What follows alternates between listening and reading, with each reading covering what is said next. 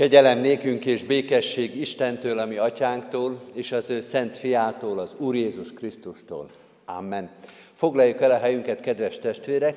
Mindannyiunk nevében nagy szeretettel köszöntöm Kenyeresné Téglás Anna lelkipásztornőt, aki a kerekegyházi gyülekezetből érkezett. Egészen pontosan ez egy hosszabb nevű társegyházközség. Fölolvasom, hogy el ne roncsam. Kerekegyháza, Fülöpháza, Kunpuszta, Kunbaracsi református társegyházközség. Isten hozta, és köszönjük, hogy elvállalta a szolgálatot. Az ő igehirdetési szolgálatára készülünk, amikor a 407. dicséretünket kezdjük el énekelni. A 407. dicséretet abból, arról a papírról énekeljük, amit kiosztottunk, még onnan lehet venni, mert a dallam az benne van, a szöveg az az énekes könyvben benne van, de nem arra a dallamra fogjuk énekelni, mert az énekes könyvben van, hanem a 144. Zsoltár dallamára. A külön kinyomtatott papírokon ezzel a dallammal látjuk az éneket. Tehát a 407. dicséretünknek az első és az utolsó két verszakát, elsőt, hatodikat és hetediket énekeljük. Így kezdődik ez a dicséret, hogy eljött az időknek teljessége.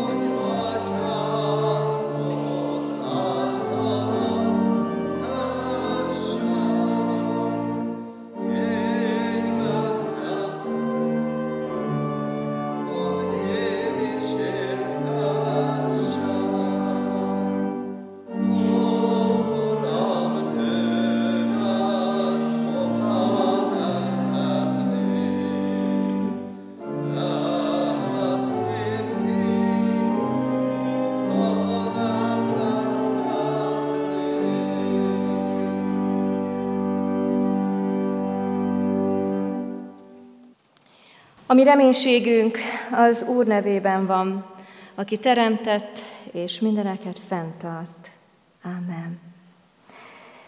Kivételesen, kedves testvérek, az imádságom hadd legyen a kárpátaljai református testvérek himnusza, amit mi otthon a gyülekezetünkben minden Isten tiszteleten eléneklünk a tavaly február óta tartó háború miatt, és most ezzel imádkozzunk minden más háborúságért, azok elmúrásáért és a Krisztusi békességért, nemzetek, gyülekezetek, családok életében. Ezzel erősítsük a mi reménységünket az újjá teremtő Krisztusunkban. Jöjjetek, imádkozzunk! Mindig velem, Uram, mindig velem, még ha nem láthat is gyarló szemem, azért ez énekem, velem van Istenem, velem van Istenem, mindig velem. Megmondtad, ó Uram, híveidnek, szívükbe küldöd el szent lelkedet.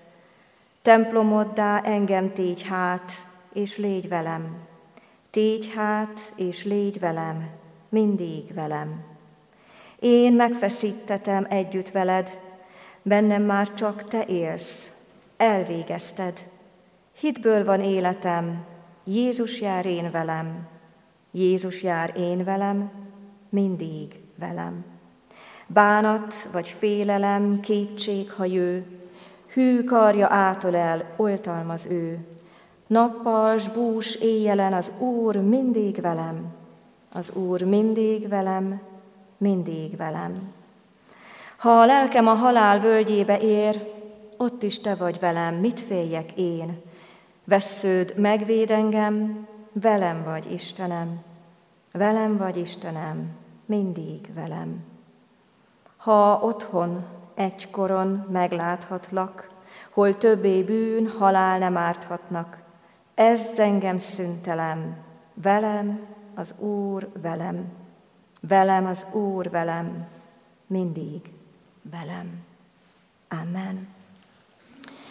A mai napra kapott igeverseket olvasom Ézsaiás próféta könyvéből, a 35. fejezet harmadik és negyedik verse szerint. Így szól hozzánk Isten igéje. Erősítsétek a lankat kezeket, tegyétek erőssé a roskadozó térdeket. Mondjátok a remegő szívűeknek, legyetek erősek, ne féljetek. Íme jön Istenetek és bosszút áll. Jön Isten és megfizet, megszabadít benneteket.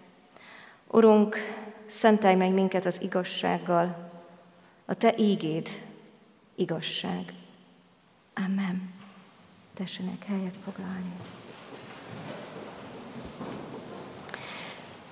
Kedves testvérek, a Krisztus Jézusban szeretett adventre készülő gyülekezet.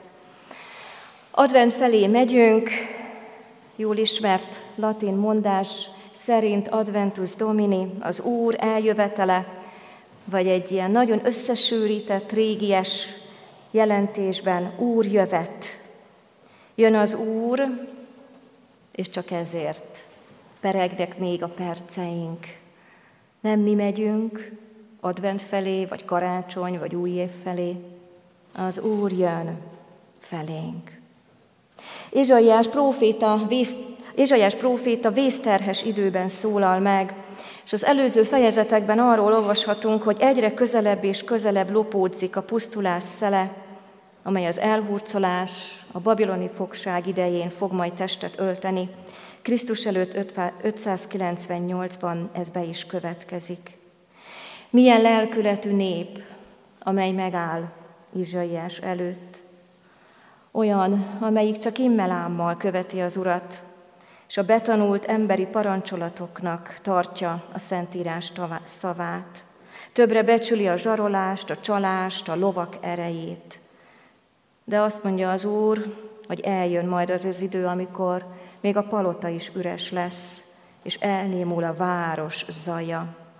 Mert oly sokszor kérte már az Úr, hogy térjetek meg, és tartsatok bűnbánatot, de nem figyeltek rá. És Ézsaiásnak ezt a két fejezetét, a 34. és 35. fejezetet nevezzük Ézsaiás kis apokalipszisének, mert hogy a jövendő felől szól, mert Edőn pusztulása a fennhéjázó népek teljes kivágását jelképezi, amelyből nem sarjadhat, nem sarjadhat ki újra az élet. Betegség és halál vár az engedetlen népre.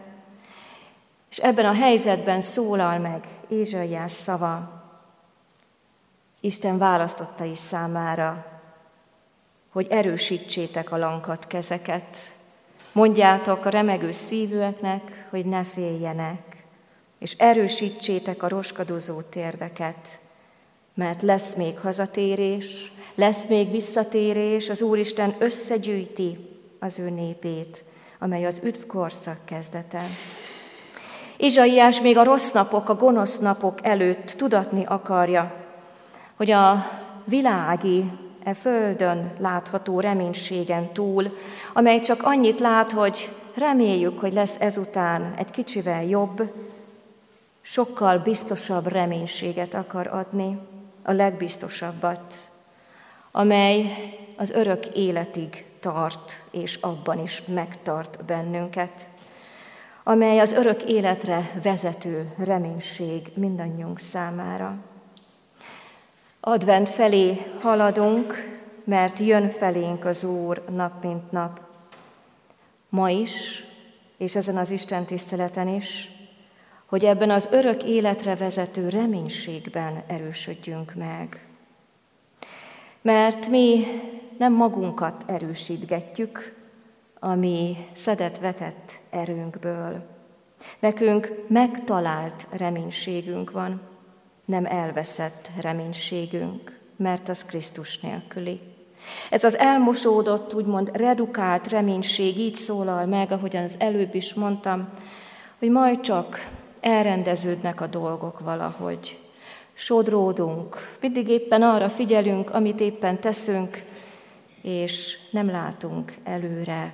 Nem látjuk azt a nagy távlatot, amelybe Isten a mi kicsi élettörténetünket is bele akarja helyezni nap mint nap, hogy a mi reménységünk örök életre szól. És ezért teljesen más, hogy élhetjük meg a jelen pillanatát, valóságát.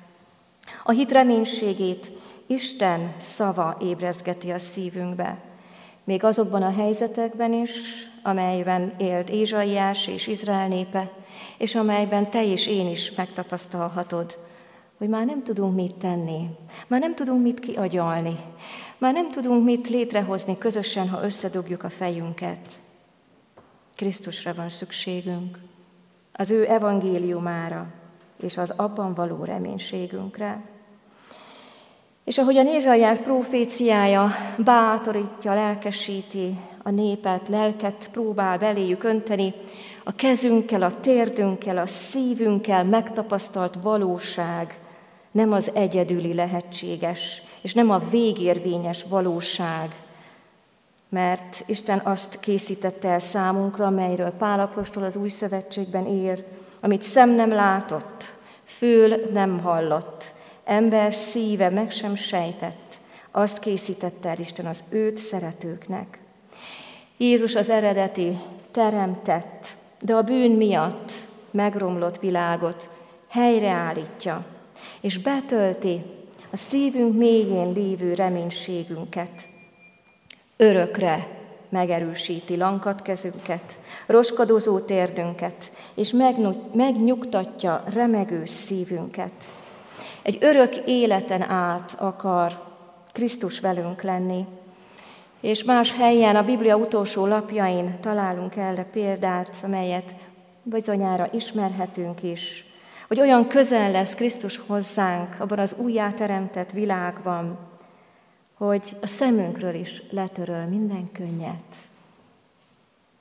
Nem lesz sírás, nem lesz leaj kiáltás. Olyan kiáltás sem lesz, amikor a másik ember nem hallja, mert nem adunk ki hangot. Csak magunkban szinte felsikoltunk, és talán csak egy nyüsszörgést hall a másik, otthon, vagy munkahelyünkön, vagy itt a gyülekezetben. Isten letörli a könnyeinket, nem lesz gyász sem és halál sem. Sem. Kitörölte már le a te könnyeidet. Általában a felnőttek szokták a gyermekeknek. És aztán mi felnőttek, mikor miután már felnőttünk, mi magunknak töröljük le a könnyeinket. Oly sok mindenben megtapasztaljuk mi felnőttként, hogy magunknak kell tenni a dolgokért, magunknak kell erősen a kezünkkel fogni a gyeplőt, hogy legyen belőlünk valaki, hogy megmaradjon az, amit már eddig létrehoztunk. Különben nem lesz semmi belőle. Ezért van szükségünk.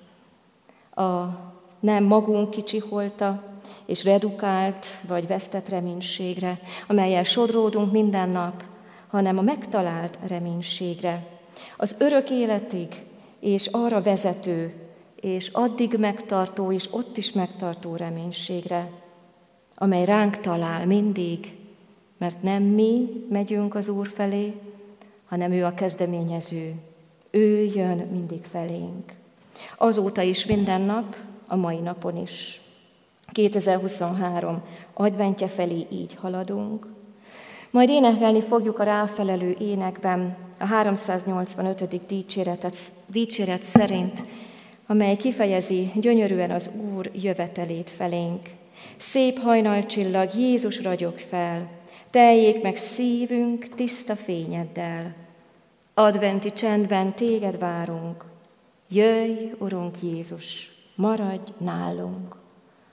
Ahogyan most, itt a templomban, az Isten szent jelenlétében vagyunk, nem a megszokott dolgainkat végezzük otthon, vagy a munkahelyünkön. Egy valakinek, az Isten szavát hirdető embernek a hangja hallatszik, egyébként pedig, amikor megáll, akkor csendben vagyunk. És engedjük, hogy jöjjön, jöjjön az Úr felénk, és átöleljen. Mert hogy nem elég ezt egyszer megtapasztalni, hanem újra és újra meg kell fürdenünk Isten elfogadó jelenlétében, hogy megtaláljon minket az örök életre vezető reménység. Ha számodra viszont nehéz csendben lenni, sőt, talán azért is, ha valami munkát végzel otthon, akkor be van kapcsolva bármiféle ö, eszköz, amelyen keresztül vagy a híreket, vagy valamilyen zenét hallgatsz, mert hogy ijesztő számodra a csend, akkor hadd hirdessem, kedves testvérem, az evangéliumot, hogy Krisztus testvéreket adott melléd. Egyrészt itt a templomban, a gyülekezetben, a Krisztus hívők közösségében bátran gyakorolhatod az adventi csendet. És ezentúl arra is bátorítalak, ha tehát még mindig olyan vagy, aki nehezen éled meg a csendet az Istennel való személyes kapcsolatodban, hogy akiben megbízol, hívd be őt a te házadba, a te otthonodba, a számodra biztonságos keretbe, térbe, és kérd meg ezt az embert, vagy több testvért is, hogy imádkozzanak érted, veled, hogy tapasztaljátok meg közösen, hogy a csendnek, most ez esetben az adventi csendnek nagy értéke van, alapvető szükségletünk, mert Isten jön felénk. Kérd ezt a segítséget itt a gyülekezetben, hogy téged is megtaláljon az örök életre vezető reménység. Mert hogy ezekben a csendekben az Isten szent lelke felszínre hozza, hogy híjával vagyunk az Isten dicsőségének. Felszínre hozza, amiben nélkülözzük az Isten elfogadó, feltétel nélküli szeretetét, amit sokszor jó mélyre elrejtünk, mert rohanunk, mert sodródunk, meg hát a szomszéd, meg a munkatárs még rosszabbul él, mint az én családom. És vagy talán túl sokszor, túl könnyen kimondjuk, ha valamit megtettünk valaki ellen, és az megbántotta, hogy bocsánat. Vagy túl könnyen megbocsátunk, szavakat könnyen kimondunk, aminek nincs mély súlya. Mert hogy nem igazán bánjuk, mert hogy nem töltöttünk időt csendben. És ezért nem is tudjuk elfogadni Krisztus felszabadító, feloldozó, bűnt eltörlő hatalmát. Nem tudjuk őt örömmel, áldozatkészen, lelkesen, szívesen szolgálni. De a csendekben elénk jön Isten, vonz magához, tisztít, rendbe tesz, helyre állít. És ilyenkor tudjuk mélységesen megbánni, megvallani az Úristennek mindazt, amiben nem úgy, nem úgy cselekedtünk, ami méltó lett volna a mi királyunkhoz. Ő felé sem, magunk felé sem, egymás felé sem. És ezekben a csendekben még tovább megyünk, mert elhatározzuk, hogy egymástól is akarunk bocsánatot kérni, nem csak az Úristentől, és a másiknak is meg akarunk bocsátani, aki bocsánatot kérték tőlünk.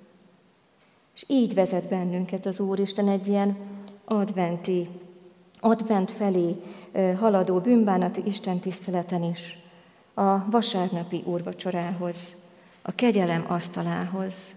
Ézsaiás próféta szava bele hasít a reménytelenségbe, a pusztaságba, amelyet testvérek otthon elolvashatnak, mely arról szól, hogy a puszta kivirágzik, élet lesz benne, van reménység, nem a saját erőnkből, hanem azért, mert maga az Isten jön felénk. Minden téveigésükkel elfogadja az Úristen azt a népet, és a mi életünket is. Minden téveigésükkel és gonoszságukkal együtt átöleli őket az Isten, hogy megtalálják a reménységüket, és felünk is ezt üzeni. Erősítsétek a lankat kezeket, tegyétek erőssé a, megrosk, a roskadozó térdeket. Mondjátok a remegő szívűeknek, legyetek erősek, ne féljetek. Íme jön Istenetek és bosszút áll, jön Isten és megfizet, megszabadít benneteket. Mert lankat kezekkel nem lehet megfogni a vándorbotot, vagy elhajtani a tüskés hajtásokat, nem lehet meggyúrni a kenyértésztát. Kedves testvérem, a mi ma esti advent felé vándorlásunkban most bátran nézzünk a kezünkre, bátorítalak téged, hogy most ne engem figyelj, csak a füleddel hallgasd a hangomat. Nézz a kezedre. Milyen kéz ez? Sima, érdes, puha, remegős, erős, határozott, vagy erőtlen. Milyen munkához szokott a kezed? Milyen munkának a nyomait látod a kezeden? Mennyire van tele, vagy inkább üres a kezed lelki értelemben is? Mielőtt ide érkeztél, addig a mai nap során kinek szorítottad meg a kezét?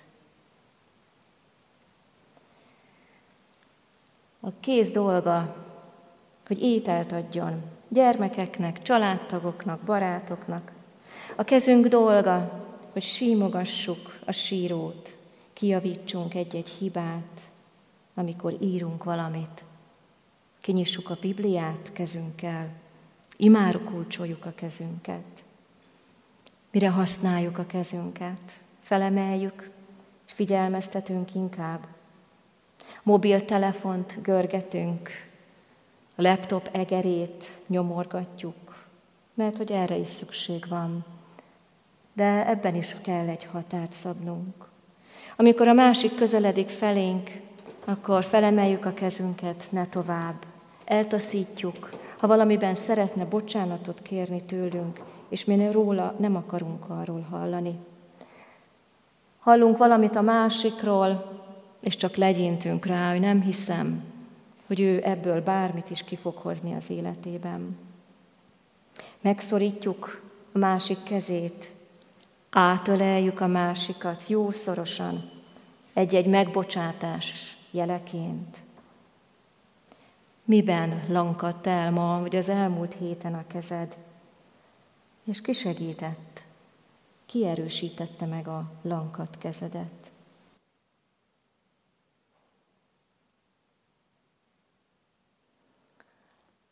Nézzünk a térdünkre is. Rá is tehetjük a kezünket a térdünkre. Mire használjuk a térdünket? Mert hogy csak jó erős térdel lehet járni, lépcsőket föl-le megtenni.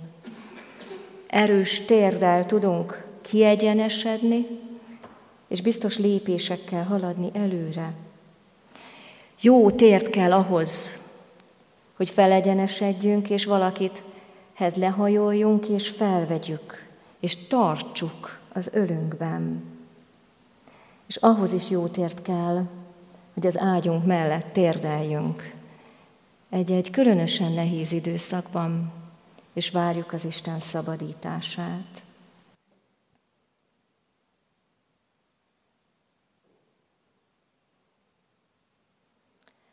És figyeljünk a szívünkre is. Milyen vágyak vannak a mi szívünkben. Mi az, ami vágyként ott volt a szívünkben, és ki is tudtuk mondani a mai nap, vagy az elmúlt napokban. Meg tudtuk azt osztani, mert a másik meghallgatta. Vagy mi az, ami szívünk vágya már oly hosszú ideje. Talán el is mondtuk, Istennek is, másoknak is, és nem történik semmi. Mi miatt, ki miatt remegett legutoljára a szíved?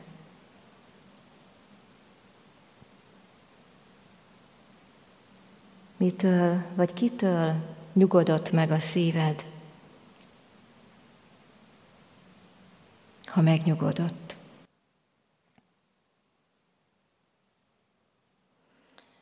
Kedves testvérem, hadd hirdessem neked az evangéliumot.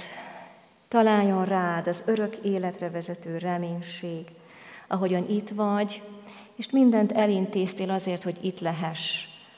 Szeretteid tudják, hogy most nem érnek el telefonon, otthon vagy bárhol, mert itt vagy az Isten szent színe előtt, az őt szeretők közösségében a templomban, és készíted a szíved az Úri szent vacsorára mert Krisztus jön feléd, és vezet a kegyelem asztalához. És már most előre vetíthetjük magunkban ezt a megtalált, ezzel a megtalált reménységgel, hogy milyen is lesz, amikor majd ide járulunk az Úr asztalához vasárnap. És ezt bármelyik napon megtehetjük, hisz nem minden vasárnap van nálunk reformátusoknál úrvacsora. Nem tudom, hogy nálatok hangzik-e majd, de nálunk hangzani fog az az ének, az úrvacsora vételre készítve, amely már most megerősítheti, megbátoríthatja szívedet, lelkedet, kezedet, lábadat, térdedet. Örülj szívem, vígagy lelkem, ékességed lett a hit. Vacsorához, mély Jézushoz, hivatalos vagy te itt. Méltatlanságunk ellenére hivatalosak vagyunk. Ha a bűnödért, halálos bért értem lettél lelkedre, e szent asztal megvigasztal, s válik üdvösségedre. Az üdvösségre támaszkodhatunk roskadozó térdünkkel, a mindenféle testi, lelki megtörtséggel, sebeinkkel együtt átölelő Jézus karjaiba vethetjük magunkat már most, mint a tékozló fiú az atya karjába, és ahogyan az idősebb fiút is várta az atya, hogy ezt megtegye. Átkot hozó bűneinket elfedező szeretetére támaszkodhatunk, ráállhatunk, belekarolhatunk, roskadozó térdeinkkel felegyenesedhetünk, és majd akkor vasárnap, és már most lélekben. Helyünkről kilépve elindulunk az Úr asztalához. Ez örömben, reménységben, Jézus, ma hozzád jövök. Asztalodnál lábam megáll, testem, lelkem, újítsd meg. Majd lankat kezemmel, magamhoz veszem a szent jegyeket, a Krisztus megtöretett szent testére és kiontatott szent vérére emlékeztető szent jegyeket, a kenyeret és a bort. És aztán, ahogyan az a falatnyi kenyeret lenyelem, azt a kortnyi bort megiszom, ahogyan bekerül valóságosan a testembe, beépül testi sejtjeimbe, úgy épül be lelkembe és testembe is. Krisztus megerősítő, újjáteremtő kegyelme, amely az örök életre vezető reménységet erősíti bennem, és remegő szívem megnyugszik. És ahogyan egymás megölelésekor más már nem nagyon fér közénk, úgy a Krisztus ölelésében kiszorul remegő szívünk félelméből. Nagyon sok. Nem minden félelmünk, nem minden szorongásunk, nem az összes félelmünk, de sok. Azért nem az összes, mert még nem a mennyek országába térünk majd innen haza, amikor kilépünk a templompadból, és elérkezünk otthonunkba, onnan meg majd a munkahelyünkre. De a testünk, lelkünk valóságosan megújul egy időre. Adventi csendben szívünk megtelik tiszta fényjel. Így kapunk erőt, hogy áldássá váljunk egymás számára, hogy másoknak is nyújtsuk a karunkat, hogy belénk karolhassanak, hogy támaszai legyünk a roskadozó térdű és remegő szívű embertársainknak. Kedves testvérem, hadd bátorítsalak, amikor hallod a szomszédod, munkatársad gondját, baját, ne csak annyit tegyél, hogy meghallgatod, aztán rohansz tovább, egyeztes vele időpontot. Hívd meg magadhoz, vagy ha szeretné, látogasd meg őt, hiszen ő sokkal értékesebb annál, hogy 5-10 percig figyelj rá az utcán állva. A munkahelyeken is szoktam otthon mondani, olyan természetes, hogy cigaretta szünet van. Ima szünet miért nincs? Miért ne lenne? Miért ne legyen? Ott is mondhatsz egy rövid fohászt, lankatkezű, roskadozó térdő, remegő szívű munkatársadért, netán főnöködért. Miért? Mert Krisztus jön, és ő jön. Mi nem a gyermek Jézust várjuk, második adventben élünk, az igaz bírót, aki megítéli ezt a világot, megtisztítja ezt a világot, hogy helyreállítsa, hogy az eredeti teremtett világ harmóniájában éljünk. Erős kézzel, térdel, nyugodt és bátor szívvel. Addig vezessen Heidelbergi Káténk 86-os kérdés felelete. Erősítsük egymást, hogy Isten félő életünkkel másokat is megnyerjünk Krisztusnak. Amen. Válaszoljunk az Úristen nagy kegyelmére, és hitvallással énekeljük a 385-ös dicséretünket, mindhárom verszakával. 385, szép hajnal csillag, Jézus ragyog fel. Most a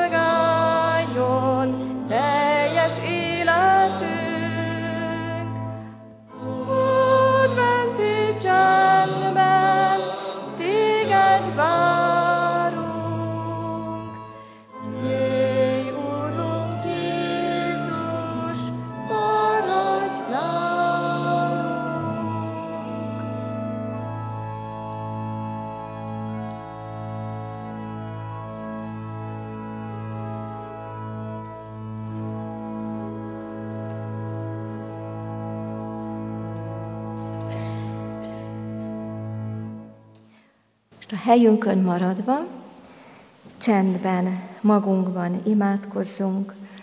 Ha szeretnéd, magadban utána mondhatod ezt az imádságot. Jézusom, Te vagy a szívem királya.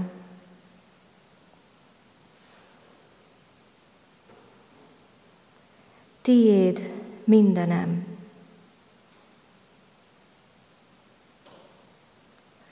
Lankat kezem, roskadozó térdem, remegő szívem.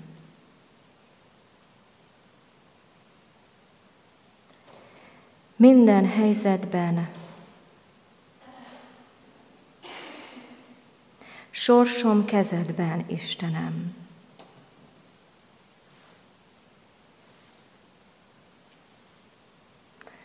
Ha a fájdalmak könnyek jönnek,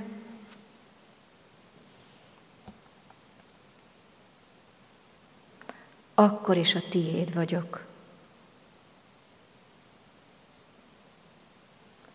Segíts, hogy rád nézzek. Nem arra, mit érzek.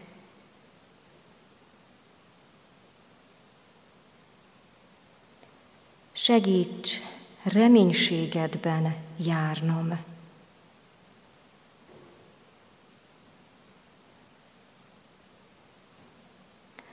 Méltó vagy rá, hogy érted éljek.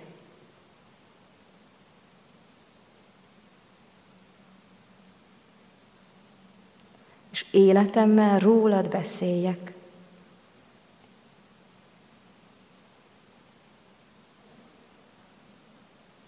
Méltó vagy rá, hogy bízzak benned.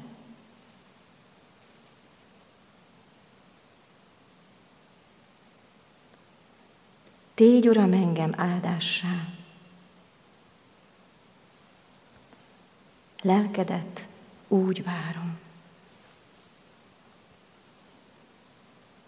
Maradjunk még csendben Isten színe előtt.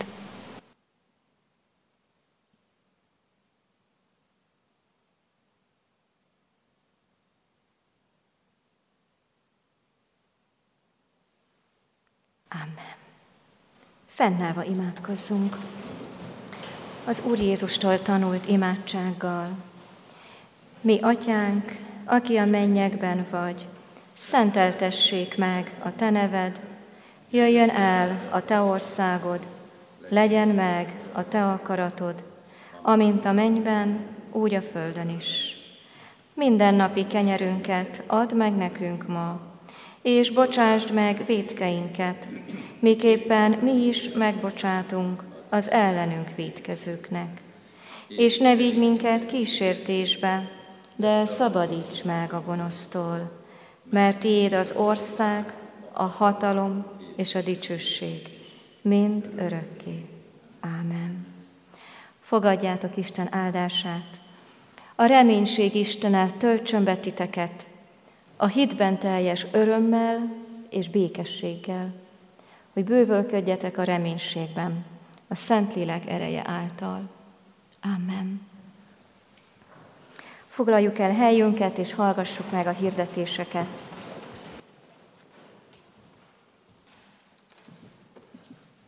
Kedves testvérek, mindannyiunk nevében szeretettel köszönöm meg Kenyeresné Téglás Anna lelkipásztorasszony szolgálatát, az ige hirdetés szolgálatát. Isten áldása legyen további szolgálatain.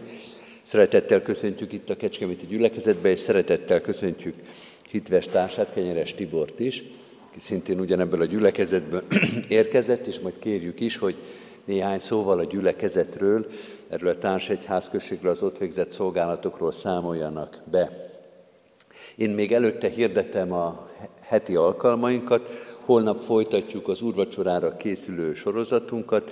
Szerdán Balázs Hajnalka Szentkirályi lelkipásztornő érkezik közénk, csütörtökön Adamek Norbert, gyülekezetünk egykori ifjúsági lelkésze, jelenleg a Ballószöjüki gyülekezet igehirdetője szolgál közöttünk. Pénteken Ricuné Kis Georgina, kecskeméti lelkipásztornő, szombaton pedig Arany Mihály Tíme, a Dunavecsei Intézeti Iskolai Lelkész, aki már tegnap itt volt, a szombati igehirdetést ő fogja végezni. Minden estére szeretettel hívunk és várunk mindenkit, illetve természetesen mindenkit hívogatunk a vasárnapi úrvacsorai istentiszteletekre, amelyet nem csak itt a templomban, hanem minden istentiszteleti helyünkön megélhetünk. Most akkor kérem tisztelettel Kenyeres Tibor testvéremet, hogy néhány szóval mutassa be a Kerekegyházi Társegyház község szolgálatát. Áldás békességet kívánok, nagy tiszteletű úr, tisztelt lelkipásztorok, főgondnokasszony, presbiterek, tisztelt kecskemétiek. Innen a nagy megyeszékhelyről kitekintve a 6500 lelkes kerekegyháza talán csak egy vadnyugati exotikum lehet, de Kerekegyházát és Kecskemétet sok szál összefűzi, engedjék meg, hogy előjáróban ezek közül néhányat új hegyre szedjünk. Tudva lévő, hogy Kerekegyháza egy telepített község, a területet jászárok szállása, Jászkun önmegváltás során szerezte meg, és 1857-ben itt először földmérőt küldtek, küldtek ki, aki kijelölte az utcák helyét, nyolc telket a középületnek, és több mint 200 telket, amelyeket áruba, árverésbe bocsátottak a monarchia egész területén. Az adatok szerint mintegy száz család Kecskemétről költözött ki és vásárolt telket Kerekegyházán, közöttük reformátusok is, evangélikusok is, és fölépítették az első lakóházakat. Érdekesség, hogy megtelepettek Kerekegyházán vág és trencsényi részekről érkező tótok is egy nagyobb számban, ugyanis 1880-ban a népszámláláson 130-an vallották magukat tót származásúnak és anyanyelvűnek Kerekegyházán, ami önmagában nem egy nagy szám, de ha hozzávesszük, hogy ebben az időben egészen Kunszent Miklóstól Ceglédig, tehát a térségben egyetlen településen sem találtak ennyi tótot, hát akkor Kecskeméten a 70 ezres nagyvárosban talán 8 vagy 10 voltak tótok. Így érthető, hogy a kecskemétiek nem értették a vásárokba beérkező kerekegyházi tótoknak a szavát, és emiatt, ha úgy tetszik, maró gúnyjal el is nevezték őket kukáknak, majd ebből aztán egész kerekegyházát kukáliának, olyanoknak, akik nem értik egymás szavát. 1910-ben és 1911-ben a Kecskeméti Református templomot egy kecskeméti építés vállalkozó, Gyöngyösi Pap József tervezte meg és építette meg. 50 évet kellett tehát várni a kerekegyházi reformátusoknak a templom felépítésére, hiszen tudjuk azt is, hogy az első olyan református istentiszteletet, amelynek nyoma van, 1861 márciusában Fehér Péter Kecskeméti Református Gimnáziumi tanár tartotta Kerekegyházán, ez éppen húsvét volt, így aztán nem csak urvacsorai közösségben voltak együtt, hanem tudjuk, hogy Kisdedet is keresztelt Fehér Péter. Érdekesség, hogy a templom 1911 őszi felszentelésére Győrfi Balázs, akkori kecskeméti főgondnok is kiutazott, valamint további érdekesség, hogy Kacsó Pongrác, híres református dalszerző, aki akkoriban a főreáliskola igazgatója volt, úgy szintén kiutazott Kerekegyházára, és ott ünnepelt. Tudva lévő, hogy az evangélikusok kerekegyházán nem tudtak önálló egyházközséget alakítani, ezért 1875-ben egy uniált, egyesített egyházközséget hoztak létre a reformátusokkal. A szerződésben pontosan szabályozták, hogy az evangélikusok hány presbiteri helyet tölthetnek be, illetőleg főgondnokot is adtak Olyannyira jelentős volt még akkor a közel százra menő evangélikus létszám, hogy például 1928-ban Raffai Sándor evangélikus püspök a Kecskemét környéki utazása során Kerekegyházára is ellátogatott. 1911-ben a templom szentelésre akkor a tömeg gyűlt egybe, hogy sokan nem fértek be a templomba, és hát akkor nem lévén hangosítás, meg kivetítés, így szokásosan a kívül maradottaknak egy külön ige hirdetés zajlott, amit Deák Mihály kecskeméti vallásoktató lelkész tartott. Így tehát a szálak sok mindent összekötnek Kerekegyháza és Kecskemét között. Az evangélikusokról még annyit, hogy az utóbbi időkben már a Kecskeméti Evangélikus Egyházközség szorványaként léteztek a kerekegyházi evangélikusok, de sajnos Jékeli Zoltán szavaival elmondhatjuk, hogy őket is kiírtotta az idő gazul, ezért ők már csak emlékeinkben léteznek. A kerekegyházi reformátusság 1953-ban szervezetileg is egyesült a szomszédos Kunkerekegyháza, illetőleg Fülöpháza reformátusságával, és azóta egy ilyen társegyház községben létezik a térség reformátussága. A két háború között, meg aztán majd az újabb időkben is még a megye egyik legkisebb községének, Kumbaracsnak reformátussága is a társegyház községet ékesíti, így egy lelkipásztor látja el ennek a területnek a lelki gondozását. Kerekegyházán papíron kb. 180-an, valóságban úrvacsorával elérhetően mintegy 100 református él, folytatja földi küzdelmét egy nagyobb katolikus és egy elég nagy közönyös kerekegyházi tengerben, meglehetősen igyekvő módon. Jelenleg éppen a tanúim lesztek képzés folytatódik kerekegyházán, de komoly gyermekmunkás csapat is van Kerekegyházán, így szervezett gyermekistentiszteleteket, nyári bibliatáborokat tartanak a gyermekeknek, az idősek számára kézműves kör tartatik, illetőleg volt, amikor férfi kört is tudtunk tartani a gyülekezetben. Időnként gyülekezeti újság is megjelenik, és megemlítendő még, hogy szoktunk tartani református művelődési estet tavasszonként, amikor mindenki elhozhatja, elszavalhatja kedves versét, meséjét, novelláját, bármiféle szellemi produkciót. Rendelkezik még kántorral a egyházközség, mind Kerekegyházán, mind Fülöpházán.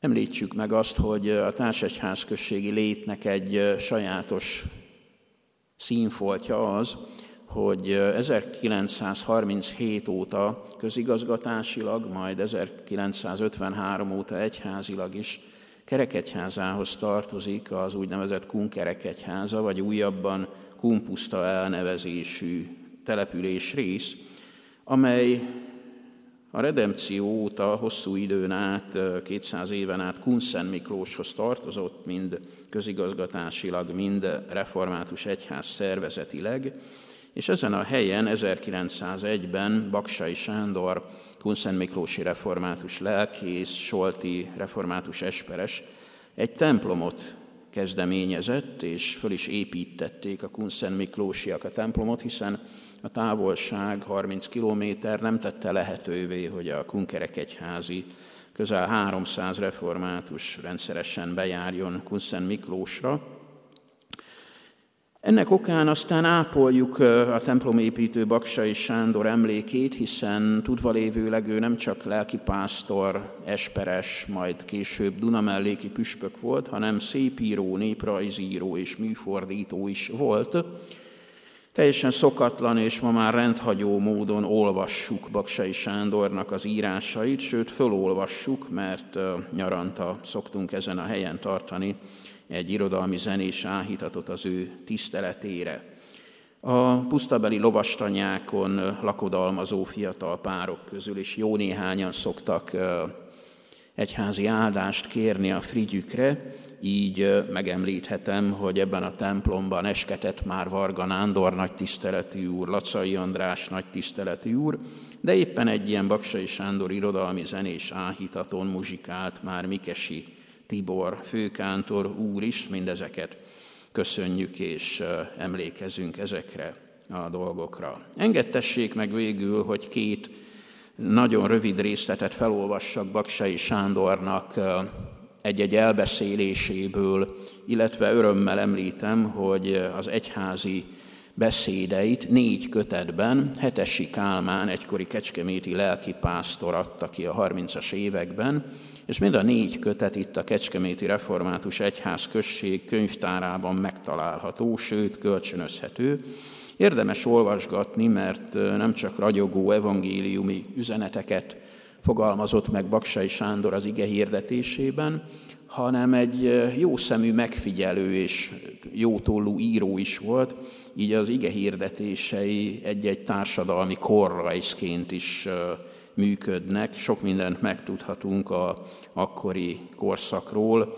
Ugye az ő Kunszen Miklósi lelkipásztorkodása 1866-tól 1915-ig tartott ebben a röpke 49 évben, amikor is ugye a kiegyezés utáni országos fellendülés, majd a nagy háború előtti gyarapodás korszakáról beszélünk, de hát ugye rengeteg probléma volt ebben az időben is. Baksai Sándor szépíróként a Patak Banya című elbeszélésével vált híressé, amely egy baranyai Dunántúli környezetben játszódik abban az időben, amikor a katolikus ellenreformáció elvette a reformátusok templomát, és ennek kapcsán Baksai Sándor tesz egy kitérőt az írásában, leírja, hogy a Dunántúlon épített fa templomokat nem tudták elvenni a katolikusok, és kitekint ekkor az Alföldre, ahol ugye nem földesúri állap, alávetettségben, jobbágyi állapotban éltek az emberek, hanem ugye mezővárosokban, amelyek csak adót fizettek a földesuraknak, de a földesurak nem befolyásolták a hit életet. Ez a részlet megemlíti Kecskemétet is, és így hangzik Baksai Sándornak a kitekintése az alföldi helyzetre.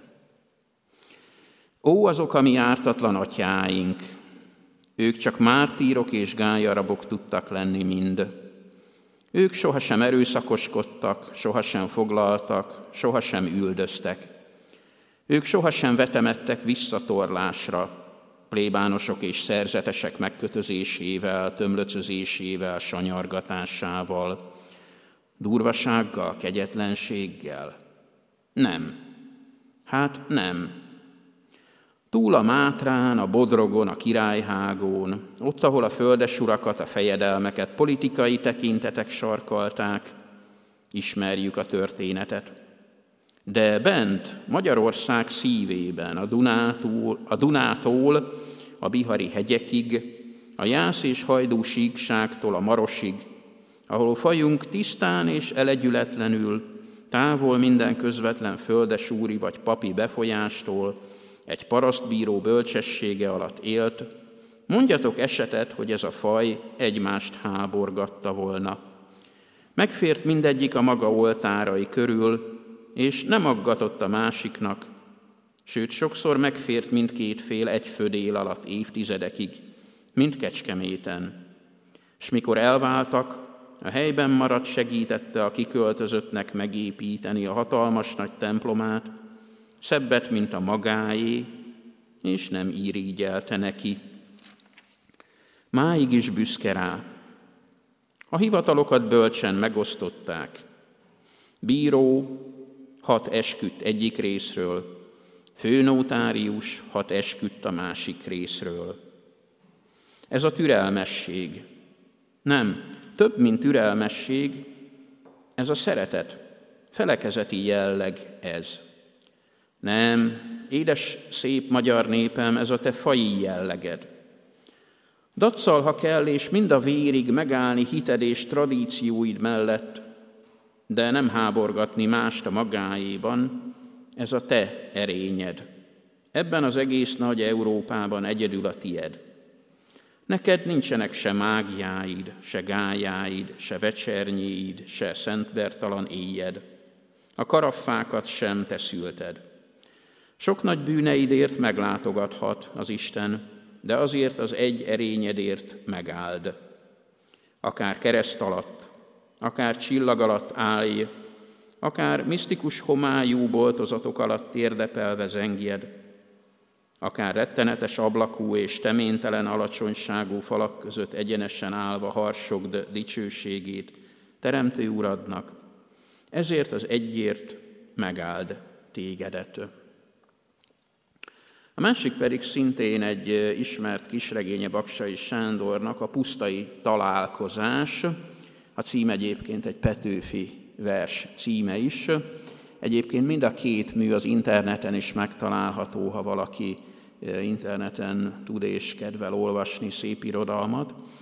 A pusztai történet annak leírása regényesen, hogy a redemció okán Kunszen Miklóshoz tartozó Orgovány pusztán hogyan építettek a reformátusok felekezeti népiskolát egy ottani birtokos kezdeményezésére.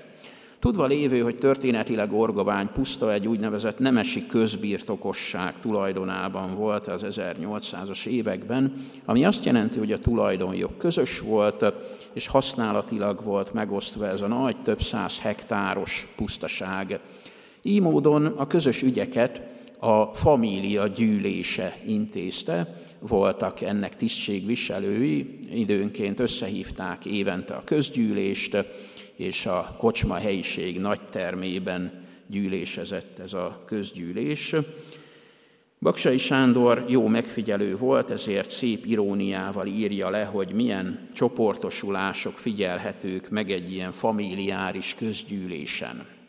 Fölszoktam tenni a kérdést, ezt majd önök is eldönthetik otthon, hogy ez, hogy ez csak egy történeti leírása, vagy esetleg ma is megtalálhatók ezek a csoportosulások egy-egy emberi közösségben, uram, bocsát, talán még egy presbitériumban is. Tehát következzék a részlet a familiáris közgyűlésről. A hosszú asztalnál az elnök közelében ülnek a família érdemesebb tagjai, az urak, mert azok szemben a néppel itt is megteremnek. A nyughatatlan újítók, kik egy-két gazdasági gép behozásával és holmi homok megkötési, erdő ültetési, útjavítási elmélet hangoztatásával az ősi nyugalom szeretőinek sok aggodalmat okoznak titkosan és nyilvánosan. Az asztal alsó végét jobb felül a mámög, bal felül a mineka nagy kiterjedésű családok ellenzékies tagjai foglalják el. Ezek pedig nem indián törzsek. Nem. Nem is családok pedig, hanem pártok, melyek elveikben nem, csak jelszavaikban különböznek egymástól. Mindkettő gyanús szemmel nézi az uralkodó párt fészkelődéseit. Csak hogy a mámök párt az uralkodó párthoz atyafisság, érdekközösség, barátság, vagyon egyformaság által sokféleképpen lévén kötelezve, nem meri ennek kezdeményeit nyíltan ostromolni, hanem csak a nyakra való közül dörmögi. Már megint, vagyis a pusztai nyelvjárás szerint már mög. A minek a párt már rögzöttebb, hajbókoló, ezek meg sem hallják az újítók szavát, hanem minden indítványra készek az egyetlen felelettel, télen úgy, mint nyáron. Minek a... Innen az elnevezés. Az asztal legvége és az ajtó közötti szűk téren állva csoportosul egy negyedik párt, a kikő húznyiaké, mert ezeknek minden indítványra, amely az asztal felső végén támad, egyetlen egy véleményük van, ki kell húzni. Tudnélik nem az indítványt a jegyzőkönyvből, hanem az indítványozót a teremből, mely vélemény erélyes kifejezése után az egész párt rendesen odaszokta hagyni a gyűlést, hangos tüntetéssel. Kedves kecskemétiek, köszönjük megtisztelő figyelmüket, olvassanak Baksai Sándort is, és szép adventi készülődést kívánunk Önöknek. Isten áldja Önöket, nyugodalmas jó éjszakát kívánunk. Kedves testvérek, többet kaptunk, mint amire készültünk. Nem csak egy remek igehirdetést, hanem remek képeket, sok szép információt, sok érdekes tudást a körülöttünk lévő világról, amihez, mint ahogy hallottuk is, sok köze van a Kecskeméti gyülekezetnek is. Isten gazdagon áldja meg a kerekegyházi, fülöpházi, kumpusztai, kumbaracsi református testvéreket. Kérem is, hogy adjátok át, adják át az áldás kívánásunkat, áldott adventet, áldott karácsonyt az ottani testvéreknek. Még egyszer köszönöm Annának az ige hirdetés szolgálatát, Tibornak pedig ezt a kedves, szép és nagyon tartalmas beszámolót, bemutatást. A holnapi alkalmat ismét hirdetem, várjunk szeretettel mindenkit, a Szent Királyi kollega, kollégina Balázs Hajnalka szolgálatát hallgathatjuk holnap. Most a záró énekünket énekeljük, ahogy ez ki is van írva, a 389 énekünket, szép adventi énekünket énekeljük mind a négy verszakával, így fejezzük be Isten tiszteletünket, 389. dicséretünk, kitárom előtted szívem.